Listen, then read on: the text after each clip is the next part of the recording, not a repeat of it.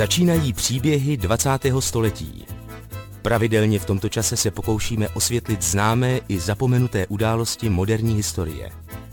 Vyprávíme osudy, na které se zapomnělo nebo se mělo zapomenout. I české dějiny mají své hrdiny a zbabělce, temná období i chvíle velkých činů. Tak jako každý rok jsme chtěli i letos udělat pořad, který se bude aspoň trochu vztahovat k výročí 17. listopadu 1989. Procházel jsem tedy databázi paměti národa a zdálo se mi, že vzpomínky demonstrujících studentů a tehdy mladých dizidentů už každý mnohokrát slyšel.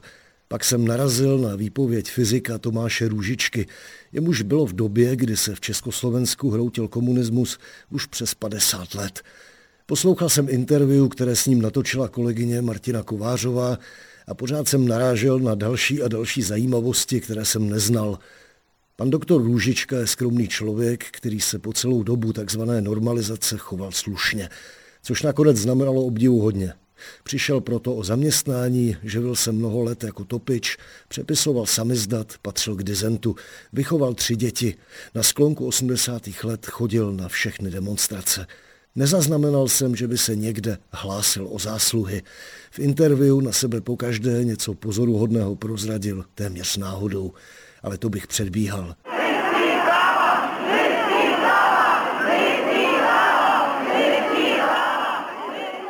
Já jsem chodil 28. října, 21. za srpna, myslím, že i okolo 1. máje se takřka pravidelně konávali takový ve středu Prahy okolo Václavského náměstí, takový schromáždění, potom na, v Palachově týdnu, že jo, ale to už byl rok 89, podobně moje manželka, i když ona jezdila vodínat než já z práce, takže jsme nebývali spolu, ale chodili jsme naprosto pravidelně, aby tam nezůstávali jenom ty mladičký lidi, kteří to vždycky pak nejvíc chytali.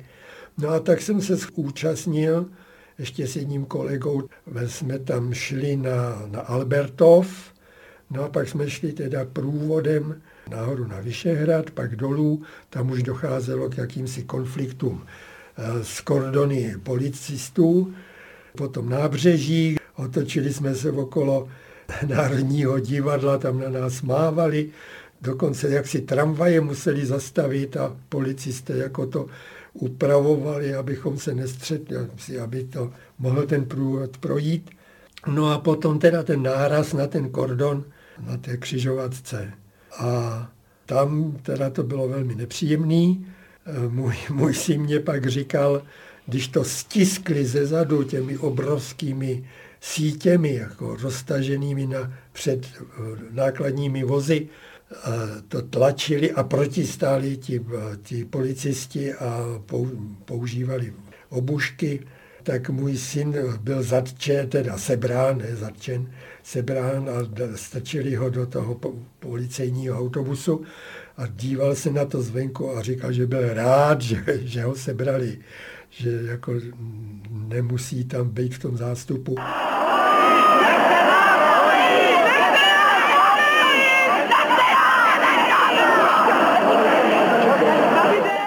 Opravdu velmi, velmi hrozný nátlak.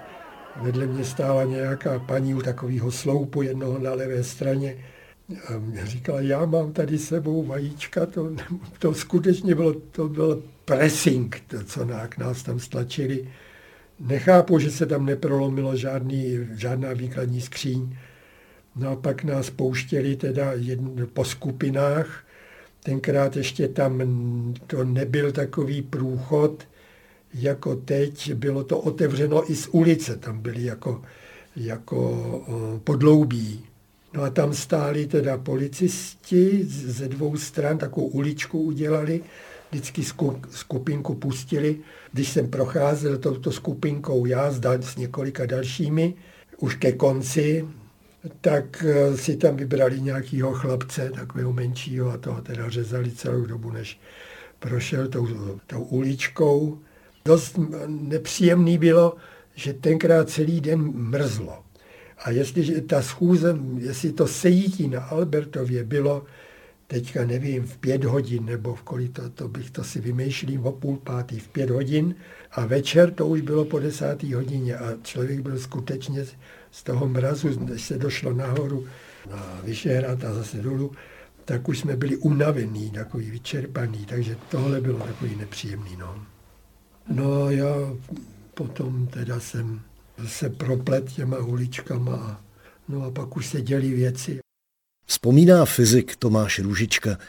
Dnešními příběhy vás bude provázet Adam Drda a jen připomínám, že pořad představuje pouze výsek z mnoha hodinových životopisných rozhovorů, které natáčíme pro Český rozhlas a pro archiv Paměť národa.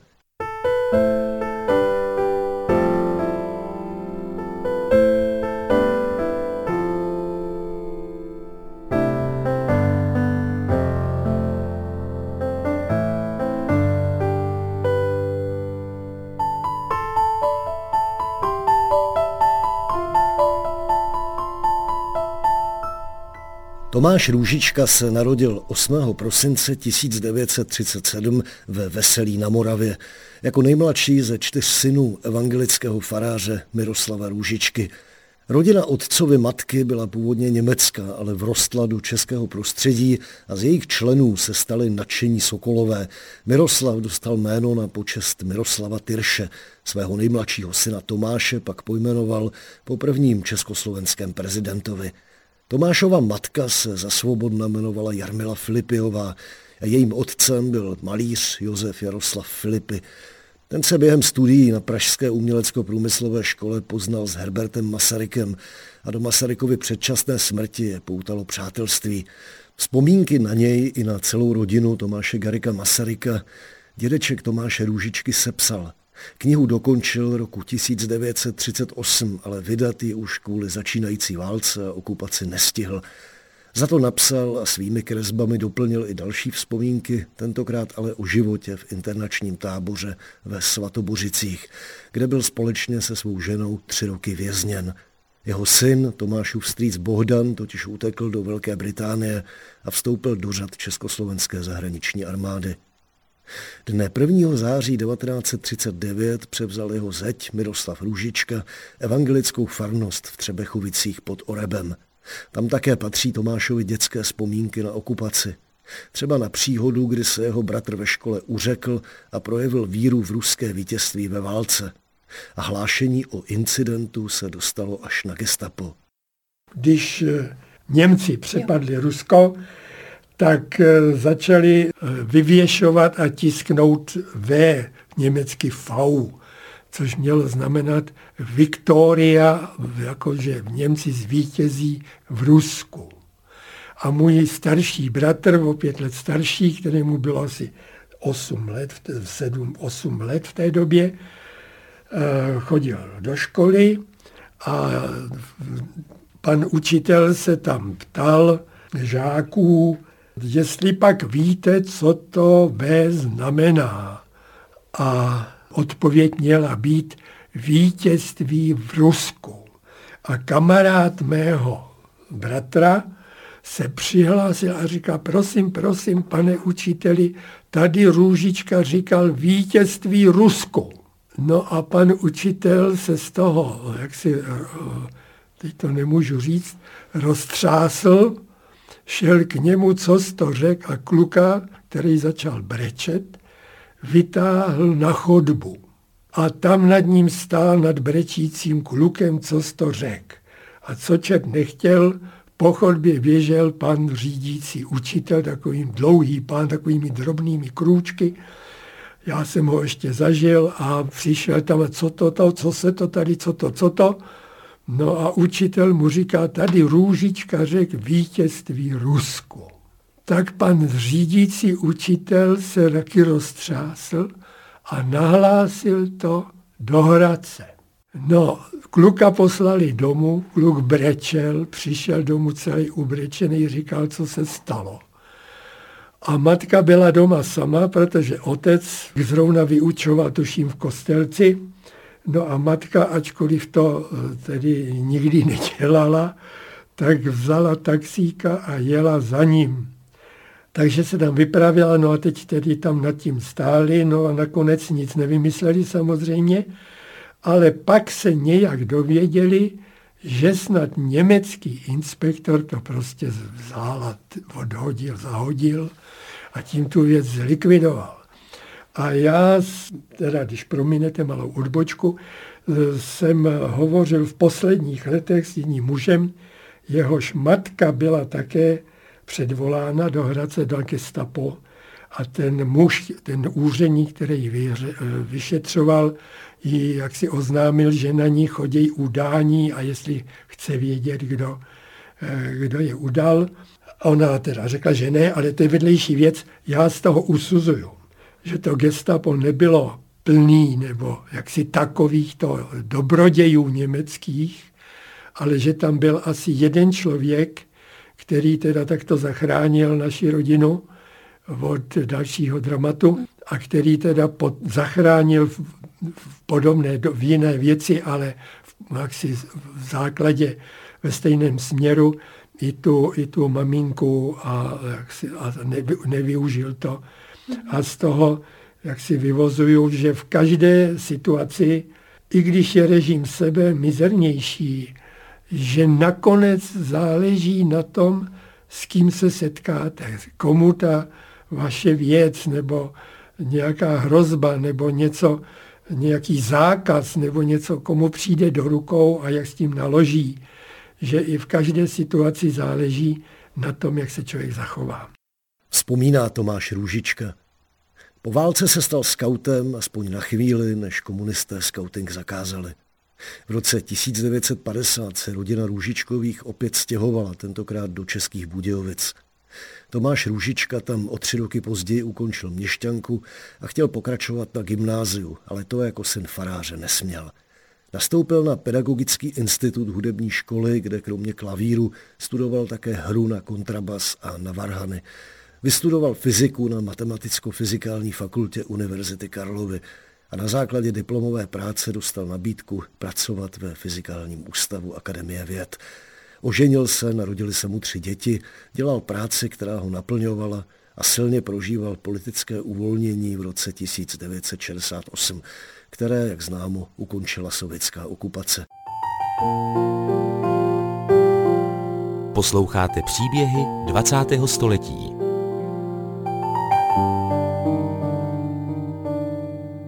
Na počátku 70. let se Tomáš Růžička pohyboval mezi evangelíky, přátelil se s filozofem Ladislavem Hejdánkem a jako všichni ostatní čelil obnovenému totalitnímu systému. Tehdy se také poprvé setkal se státní bezpečností. Bývalí aktivisté za svobodu slova a tak dále, když už se prosazovala a víceméně prosadila ta normalizace, tak udělali první akci, že vytiskli letáky, že lidé nejsou povinni chodit k volbám. Bylo to ke konci roku 71, kdy režim si konečně poté, co sklidnil, normalizačně sklidnil atmosféru ve státě, tak eh, se odvážil připravit volby. Bylo to s určitým odkladem, ty volby se zdržely proti původním termínu, a tady lidé už jaksi se opět báli, cokoliv podniknout, co by jim přineslo potíže. A tak eh, nevím přímo, která skupina připravila tyto letáky. A ty letáky rozšířila a mně se dostali do rukou taky takový svazeček. Všecko se odehrávalo u těch evangelíků, i tohle jsem dostal od evangelíků. No a tak jsem eh, to převzal od našeho duchovního, tenkrát v, tom, v těch Vršovicích. Ještě mě vezl domů, pak mě vysadil a za náma tak jako bliklo auto. A on se tak jako polekal, co se to děje. A pak jsem se dověděl, že později tuto noc si pro něj v velmi časných hodinách, dá se říct nočních hodinách, si pro něj přijela celá eskorta eh, STBáků a policajtů. A také eh, hnedka tu noc zatkli i Ladislava Hejdánka, zatkli dalšího muže z toho sboru protože manželka Ládi Hejdánka ty letáky s rodinným přítelem Jiřím Jiráskem vkládala do obálek doma a chtěli je, a chtěli je házet do schránek a z telefonního seznamu vypisovali adresy na ty obálky. No a oni nějak získali moje jméno, že já jsem, že mě vezl asi tím autem. Já jsem stačil ještě po cestě v noci k 11. hodině několik letáků zastrkat do eh, autům za stěrače a druhý den jsem to ještě rozdával tak někde, v, tenkrát domy byly přístupné, že jsem to nastrkával lidem do schránek. No a pak jsem přišel teda domů a manželka mě řekla, hele, jsou zatčení ti a ti a ti. A tak jsem tedy samozřejmě zbystřil a skutečně se potom asi hned následující den si pro mě přijel jeden muž od policie, prokázal se průkazkou. No a naštěstí moji kolegové se jim podařilo, když mě potom odvezl, ten odvezli mě autem, tak zavolali manželce domů, že mě odvezli. No a manželka stačila teda některé věci zlikvidovat doma. No a já jsem byl teda u toho výslechu v tom roce 71. A protože jsem byl úplný trouba, nevěděl jsem nic o trestním zákonu, o trestním řádu, že jsou povinni každému nejdřív říct, proč ho sebrali, nebo proč ho vyslýchají, jestli je tam jako svědek nebo podezřelý, nebo že oni jsou povinni. No a prostě jsem jim skočil na vějíčku a když mě tam přivedli do, do vyslýchací místnosti, nejdřív mě tam seřval takový mladší, takový mladý chlapík, vazoun takový, mě tam seřval a jak všichni evangelíci dostanou na, na pr, nechci to opakovat, prostě mě takhle zastrašil. Ono to funguje, člověk si myslí, že to nebude fungovat, ale funguje to. A tak jsem jim skočil na to, když řekli, no vy víte, proč tady jste. No tak já jsem si vymyslel jaksi jinou věc, že by to také mohla být, ale abych to neprozradil, tak jsem si řekl, no tak tohle asi vědí, tak řeknu ty letáky. Vím, že mám... No a to byla chyba prostě. A už mě vezli. A v podstatě dřív, než mě vůbec řekli, proč tam jsem, tak já jsem jim řekl i to, od koho jsem ty letáky dostal. Což si do dneška nedá vyčítám. A odvezli mě domů a měl jsem domovní prohlídku. Měli jsme tenkrát velký byt, protože jsme bydleli s rodiči e, manželky, takže ta prohlídka trvala dost dlouho. No a pak mě neodvezli, nechali tam. A, a když tady odjeli, tak já jsem si uvědomil, že jsem prostě toho kamaráda, jako oni to věděli asi, ale že jsem to řekl a já jsem tam prostě sebou mlátil vo futra, že tam zítra půjdu a odvolám to. A manželka byla natolik rozumná, říkala, neblbni, uklidni se, je to nesmysl. Do dneška se za to stydím, jak jsem ten, jak jsem ten výslech eh, nezvládnul. A tak to byla...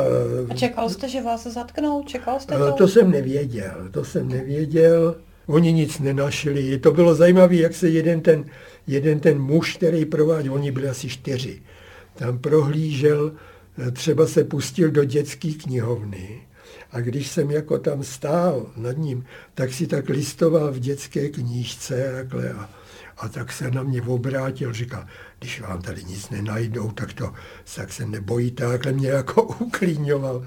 Zatímco jiný zase si s gustem prohlížděl naši společnou a jedinou vkladní knížku. Já jsem říkal, jako, jestli tam snad něco hledá, tak ten mě seřval, jako co si to dovoluju. Je to zajímavé, že i v této situaci, když vás pak nějaký ten policajt osloví laskavě, takže vzdor tomu, co všechno víte a co si myslíte, tak ve vás vzbudí důvěru. Takže tohle byla moje obrovská, obrovský jaksi zátěž mého svědomí, z kterého mě dostala právě až ta manželka Ládi Hejdánka Hedvika.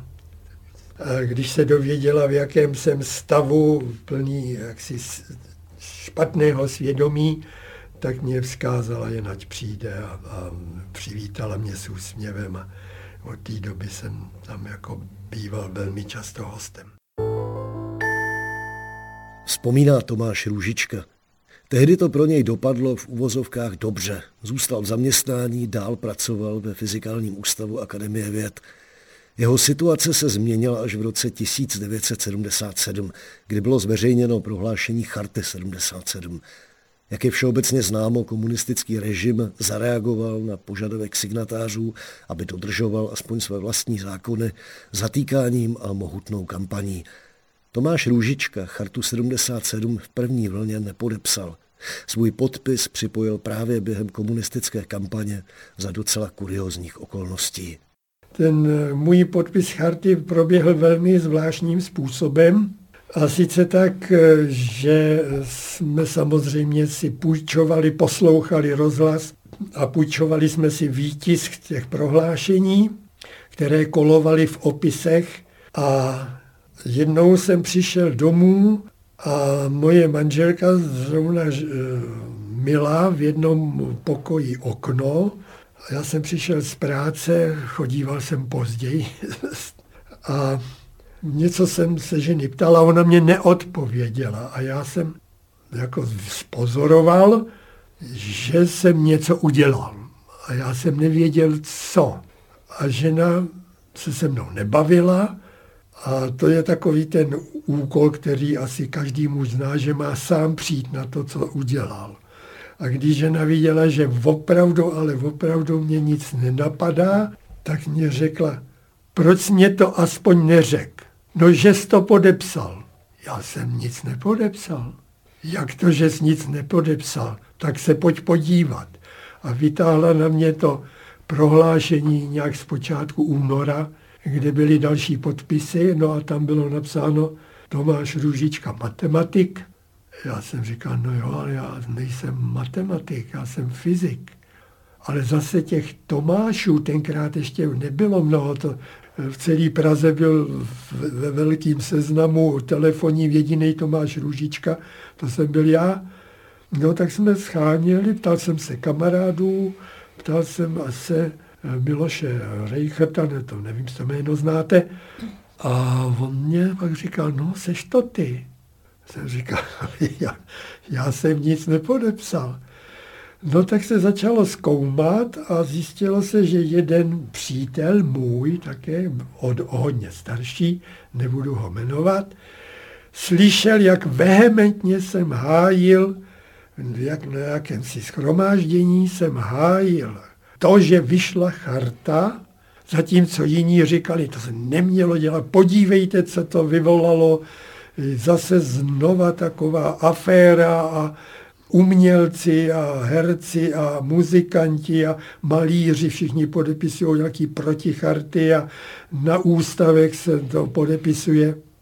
A takže tam na těchto hádkách, že jsem velmi na této hádce jedné hájil chartu, a tento muž se o tom doslechl a řekl si, no když to tak hájí, tak s tím souhlasí.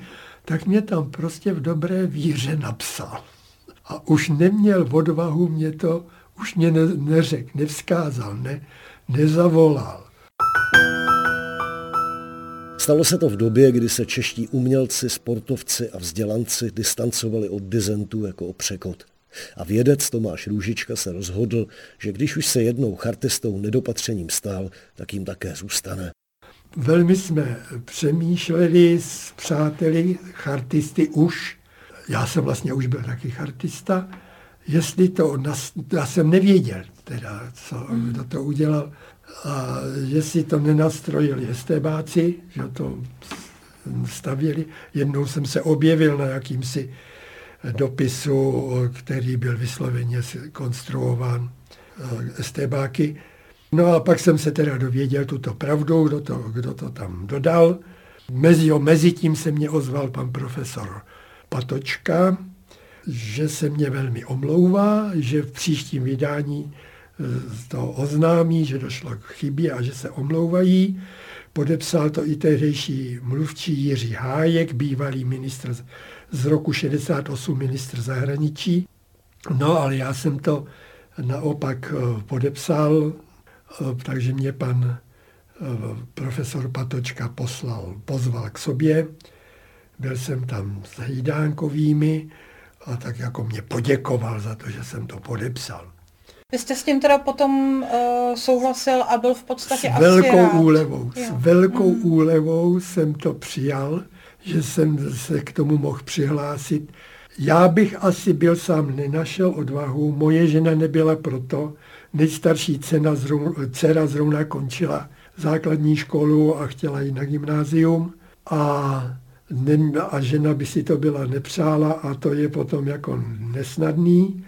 Samozřejmě by to byl pro mě, eh, byla pro mě výrazná změna úplně celého života a byla to nakonec teda tato změna, ale já jsem teda svoji fyziku nepovažoval za tak světobornou, abych eh, kvůli tomu teďka jaksi eh, odvol, prohlásil, že, že jsem to nepodepsal a tím uvrhl na celou tu chartu, na to, to by se bylo zne, mohlo velmi dobře zneužít. Podívejte se, jak ta charta pracuje, podepisuje tam lidi, kteří to nepodepsali.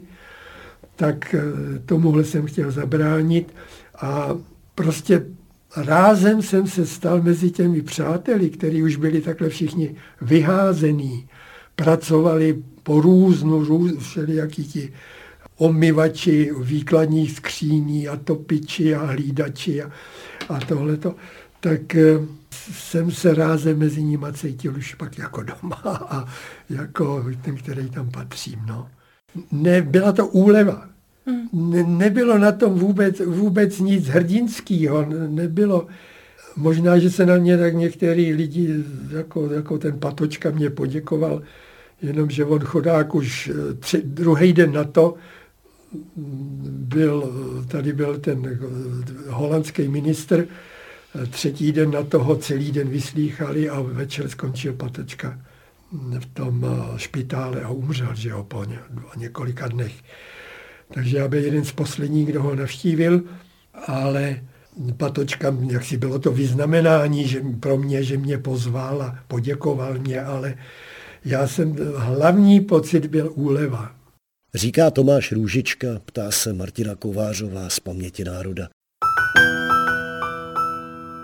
Podpis pod chartou 77 znamenal pro mladého fyzika a také otce tří dětí okamžitou životní změnu, propuštění z Akademie věd. Následoval vyhazov a zajímavý je, to jsem zjistil, ten vyhazov mě dával ředitel ústavu, mezi tím už teda dávno jiný ředitel ústavu, ten, ten dřívější byl vyhozený, zbaven funkce, tak přesně. A já jsem si s tím ředitelem, co mě vyhasoval, jsme si tykali a byla to taková velmi vypjatá chvíle, když mě, když mě před dalšími funkcionáři ústavu sděloval, že teda musím odejít z ústavu. A bylo, bylo víc takových vypjatějších chvil. No a tak jsem dostal výpověď. Nejdřív mě dali, jakože mě dají okamžitou výpověď a neustále komunikovali s výborem na Praze 8, s komunistickým výborem. Pak teda to umluvili zřejmě, že mě dají výpověď tříměsíční. A já jsem se samozřejmě proti té výpovědi ohradil. Právník mě vypracoval žalobu na ústav, že to je protiprávní a až mnohem později v 90. letech jsem dostal dokument, že ředitel dříve, než jsem dostal výpověď, dostal pokyn, že se má zeptat předsedy na soudu v Praze 8, jak má výpověď napsat. Já jsem se pak proti té výpovědi odvolal a ten předseda soudu, který mu nadiktoval, jak má tu výpověď napsat, potom tu výpověď soudil a prohlásil, že je v pořádku a že moje odvolání je neplatné, že moje žaloba je neplatná, jestli tomu rozumíte. Mm-hmm. Takhle to chodilo, že předseda soudu řekl, udělejte to A až on se proti tomu odvolá, tak já prohlásím, že ta výpověď je v pořádku. Takhle fungovalo teda ještě v tom 77. roce socialistické soudnictví.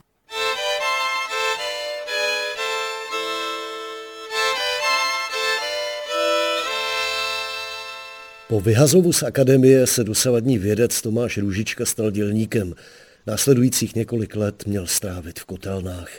Já jsem toužil být topičem, když už to takhle došlo, protože ty zprávy o topičství vypadaly velmi krásně. Jak člověk tam obstará ten kotel a pak si může tam dělat, když to hoří a všechno je v pořádku, eh, že si tam může dělat svoje věci. Takže jsem scháněl už dopředu, sehnal jsem si místo na jižním městě v jedné z kotelen, která dokonce ani nebyla ve sklepě, což bylo, by bylo bývalo báječné. Všechno bylo domluveno s tím vedoucím tam a já jsem se v poslední den 30. června dostavil na ústředí pražských tepláren, se to jmenovalo. A přišel jsem tam a tam teda ta paní vedoucí mě dala papír, který se musí vyplnit. Byla nervózní, protože byla závěrka polovina roku, měli spoustu práce, teď já jsem tam přišel, teď jsem teda ukázal svoji legitimaci a když ona viděla RNDR CSC, kandidát věd, což jsem hrozně měl nerad tenhle titul, tak zbystřila a šla a volala na ústav, kde hovořila s mou teda s kádrovačkou fyzikálního ústavu, ta jí řekla, oč jde. No takže ona asi po 20 minutách se vrátila do, toho, do té kanceláře a už částečně vyplněný papír mě vytrhla z ruky a vyhodila mě, že nemají místo. No i když předtím teda, tak ten, to, to jsem tenkrát jsem měl vztek teda na to. Takže jsem byl několik několik dní bez práce a musím říct, že to bylo nepříjemné tenkrát. Navíc to bylo pod trestem, že nikdo nesměl, to bylo trestné být nezaměstnaný.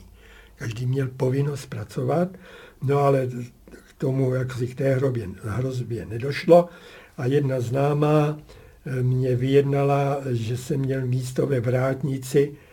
Byl to závod, který vyráběl plechovky na konzervy. No a já jsem tam byl ve vrátnici, ovšem to se ten pan vedoucí toho závodu velmi spletl a dostal zřejmě velmi vyhubováno, jak mohl takovému člověku svěřit místo ve vrátnici, tak důležité. A já jsem tam strávil měsíc, no a do té doby jsem si sehnal, se mně podařilo najít to topické místo v metru kde jsem zapadl mezi celou partu topičů, kteří byli pod jedním mistrem a scházeli jsme se na tehdejší stanici Sokolovská, tam v takové eh, místnůzce a dole byla kotelna opatroníž. No ale těch kotelen bylo po, po metru celým víc, který se vytápěli, takže jsem nejdřív topil koksem, což bylo nepříjemné, že to jako prášilo ty lejstra. To, to, to ne, musel jsem si vždycky utřít stůl, vybírat popel a takovéhle věci. No a když jsem pak udělal zkoušky, topičské zkoušky, tak už jsem se dostal, jednak jsem nejdřív jsem topil plynem a potom lehkým topným olejem, ale to už bylo fajn. Pokud člověk nemusel, zrovna na něj nepadlo čistit kotle, takovýma těma ješkama protahovat mm-hmm. ty, ty žárové trubky, které byly plný usazenýho, eh, usazené, vypálené síry, která se okamžitě na sliznici proměňovala v kyselinu vyšší či nižší. Mm-hmm. To, to, byl, to člověk pak chápal jako, jako nespravedlnost, že musí dělat tohletu, čistit mm-hmm. ten kotel. Mm-hmm. No ale tak jinak eh, se tam pracovalo dobře a, a záleželo hodně na, na té partě, která, to nás vždycky jsme byli tak asi čtyři, kteří obsluhovali tu jednu, se střídali, že ve směnách. No a když tam měl člověk nějakého takového pacholka, tak to bylo protivný. No. Dokonce mě jeden udal, že se mu něco ukrad, aký rádio nebo co. Mm. Ale policajti věděli, že to je lež. Že to... Mm. Ale topil jsem tam s jedním Sešel jsem se tam, netopil jsem, ještě před topnou sezonou s jedním panem Džurbanem, to byl cikán ze Smíchova, starší pán než já, a to byl jeden z nejmilejších tam kolegů. Moc rád na něj vzpomínám. Vynášeli jsme spolu jednou nějaký popel po těch českých opilcích, kteří jaksi nebyli schopní ten popel vyníst, protože nezřídka nebyli ani schopní opravdu, a nebo jsme skládali spolu nějaký uhlí. A mám a jednu ale takovou svědomí, výčitku svědomí vůči němu, že mě jednou požádal, chtěl půjčku a potřeboval ručitele. Bylo to asi pět tisíc, no ale to by dneska bylo takových 70 tisíc, určitě víc než desetkrát se to. No já jsem nad tím zaváhal a kolegové mě říkali neblázni, neblázni, cikán. No a já teda do dneška si to vyčítám a myslí vám na to, že jsem, nepočel, že jsem neudělal ručitele panu Džurbanovi. Rád bych ho viděl, ale už ho asi nikdy neuvidím. Posloucháte příběhy 20. století.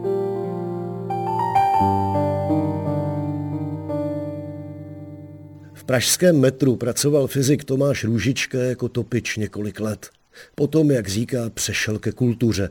To znamená, že se stal opět topičem, ale v ústředním kulturním domě železničářů. Jako topič přeložil knihu Úvod do fyziky plazmatu, která se po vydání stala úspěšným titulem.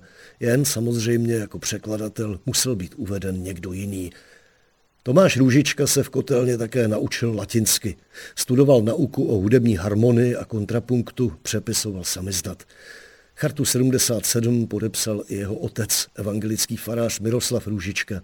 Společně pak spolupracovali se socioložkou Jiřinou Šiklovou při pašování knih a při výběru překladů zajímavých knih z ciziny. Lidé, kteří se přizpůsobovali komunistickým požadavkům a drželi si distanc od dizentu, často argumentují strachem o budoucnost svých dětí, obavou, aby například směli studovat. Tomáš Růžička k tomu stručně říká. Moje dcera se dostala na gymnázium, druhý můj syn, ten se dostal na střední školu eh, umělecko-průmyslovou na Žižkově a ten třetí syn taky jako s tím neměl, myslím, nějaký problémy. Spíš si myslím, že moje děti, když mě viděli v těch montérkách, jak běhám z té kotelny, občas jsem přiběh domů a tak, že jak si pohrdali, pohrdali, že se nepřihlásili na žádnou vysokou školu. Jo, z jakýsi solidarity nebo co, nevím, ale já jsem s nima o tom nikdy nemluvil. V polovině 80. let domluvila paní Růžičková svému muži přes známé práci v optické laboratoři závodů průmyslové automatizace. Nešlo o vědeckou činnost, nástup chartisty musela také projednat místní buňka komunistické strany, ale po letech se mohla aspoň částečně vrátit ke svému oboru, tedy k fyzice. A této skutečnosti v zápětí využila státní bezpečnost. Krátce po nástupu do nové práce si ho estébáci předvolali na služebnu k pohovoru. V archivu bezpečnostních složek je uložen spis Tomáše Růžičky, v němž stojí, že cílem pohovoru mělo být jeho další spravodajské využití, tedy spolupráce s STB. A využít chtěla politická policie následující skutečnost. Cituji. Jmenovaný má podepsanou smlouvu na dobu určitou a zaměstnavatelem mu bylo přislíbeno, že od 1.1.1986 s ním bude podepsána řádná smlouva. Lze tedy předpokládat, že jmenovanému na tomto příslibu dosti záleží, neboť má po dlouhé době možnost uplatnit se ve své původní profesi. Estébáci čekali, že Tomáš Růžička s nimi bude spolupracovat, ale mýlili se.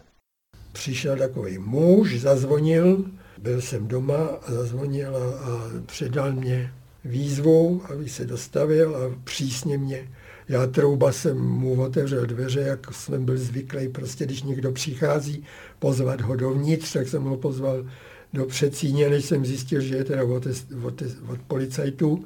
A, a, a on ještě mě pohrozil, že o tom nikomu nesmím povídat.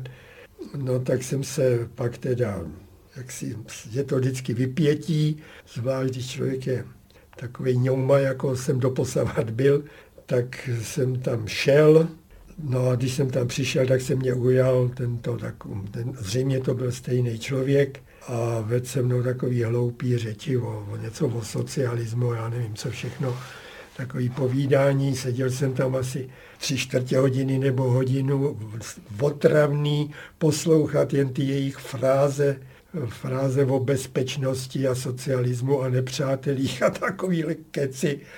Bylo to nudný, bylo to ponížující. Takže když jsem se těšil, jak mě bude, až výjdu z té, z té místnosti a z té budovy, tak ta radost se nedostavila. Spíš se dostaví takový pocit znechucení, jako když je člověku špatně. No ale tím to celý skončilo. A pak už jsem mě teda nikdo nikterak nedotýkal. Nikdo také neobtěžoval mého otce, který podepsal chartu, i když přes něj Jiřina Šiklová eh, jaksi expedovala tu literaturu, která přicházela ze zahraničí, tak měla tam u otce takovou překladatelskou stanici, tašky, třeba dvě tašky plných knížek, že můj otec byl takový naivka, že mě zavolal Tomáši, přijď se podívat, něco by tu bylo. prostě, a myslel si, že to oni nevědí. No tak taky jaksi nebylo slušný si z toho brát knížky, protože to jaksi se mělo nějakým způsobem distribuovat jinak než takhle. Ale já jsem toho nijak nezneužil, jen si člověk něco přečet třeba a vrátil. A v té době jsem taky opisoval ten samizdat na stroji.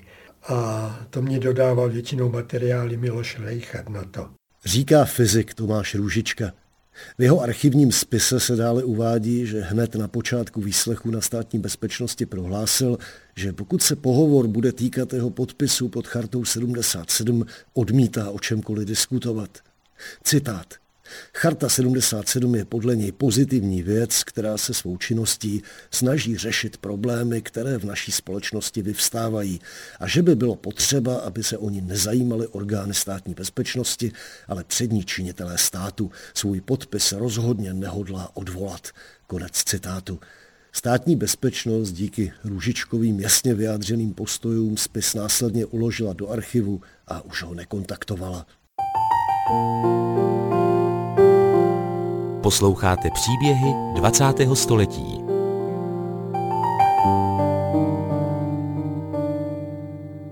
Vzpomínku Tomáše Růžičky na demonstrace z konce 80. let, včetně 17. listopadu 1989, jste už slyšeli na začátku pořadu. Když se komunistický režim začal hroutit, stal se Tomáš Růžička členem občanského fóra a v závodech průmyslové automatizace, čítajícím tehdy kolem 700 zaměstnanců, byl zvolen předsedou dozorčí rady. Jeho další vzpomínka je v mnohem příznačná, tentokrát pro průběh v úvozovkách sametové revoluce. A my jsme v tom, v tom podniku v tom, z těch závodech průmyslové automatizace, zejména ten můj mladší kolega byl velmi aktivní. Já se do takové večerní veřejné aktivity příliš nikdy necpu. No tak ten jako mě navrhl, tak byly vytvořeny tenkrát, jak se tomu říkalo, kontrolní výbory nebo, nebo nějaký takový výbory ze strany jaksi té revoluce, toho, tenkrát se neříkalo sametové revoluce, takový ústavní výbory, no tak se stalo, že jsem byl teda eh, zvolen v celém tom ZPA, což bylo těch 700 lidí, takže jsem byl nakonec zvolen předsedou jako toho. A měli jsme za úkol eh, dát zvolit nového ředitele, ale dopadlo to stejně mizerně, protože tam nebyl nikdo, kdo by si věděl s tím podnikem rady.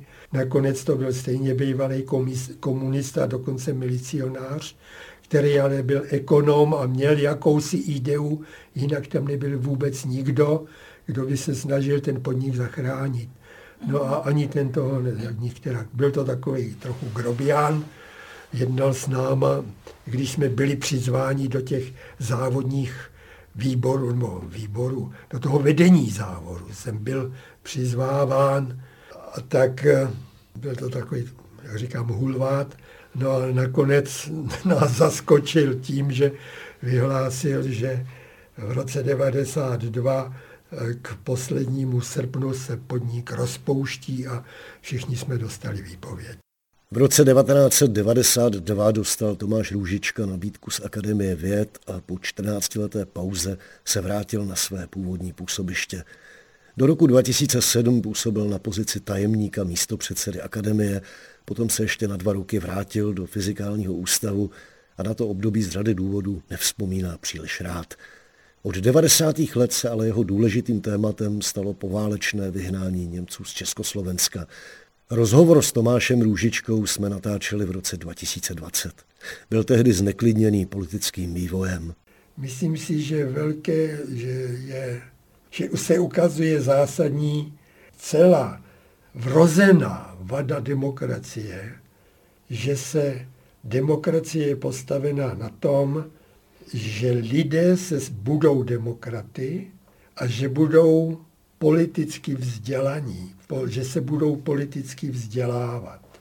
A já, jak teďka žiju s mojí druhou manželkou na venkově a mám tak blíž i k takovým těm kruhům hospodským, tak si někdy říkám, tak tihle lidé půjdou k volbám.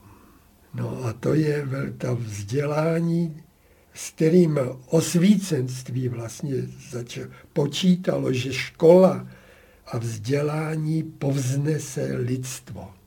Ale oni i vzdělaní lidé, i jaksi, kteří mají školy, to ještě vzdělaní může znamenat něco víc, jak nemusí být ještě úplně moudří, když se zabývají jenom prostě, když, když převládne taky jiná ideologie. Dnešní náboženství je samozřejmě zcela mimo, má to své příčiny, a má to své výhody, že náboženství už je jako hlavní ideologie mimo, ale náboženstvím je dneska ekonomika. No.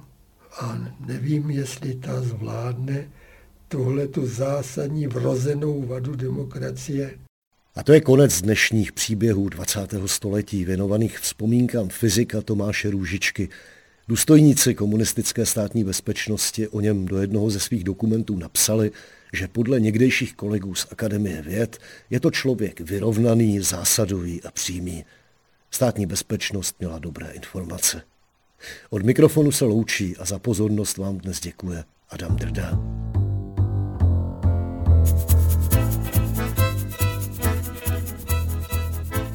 Tento pořad vznikl ve spolupráci Českého rozhlasu a neziskové organizace Postbellum.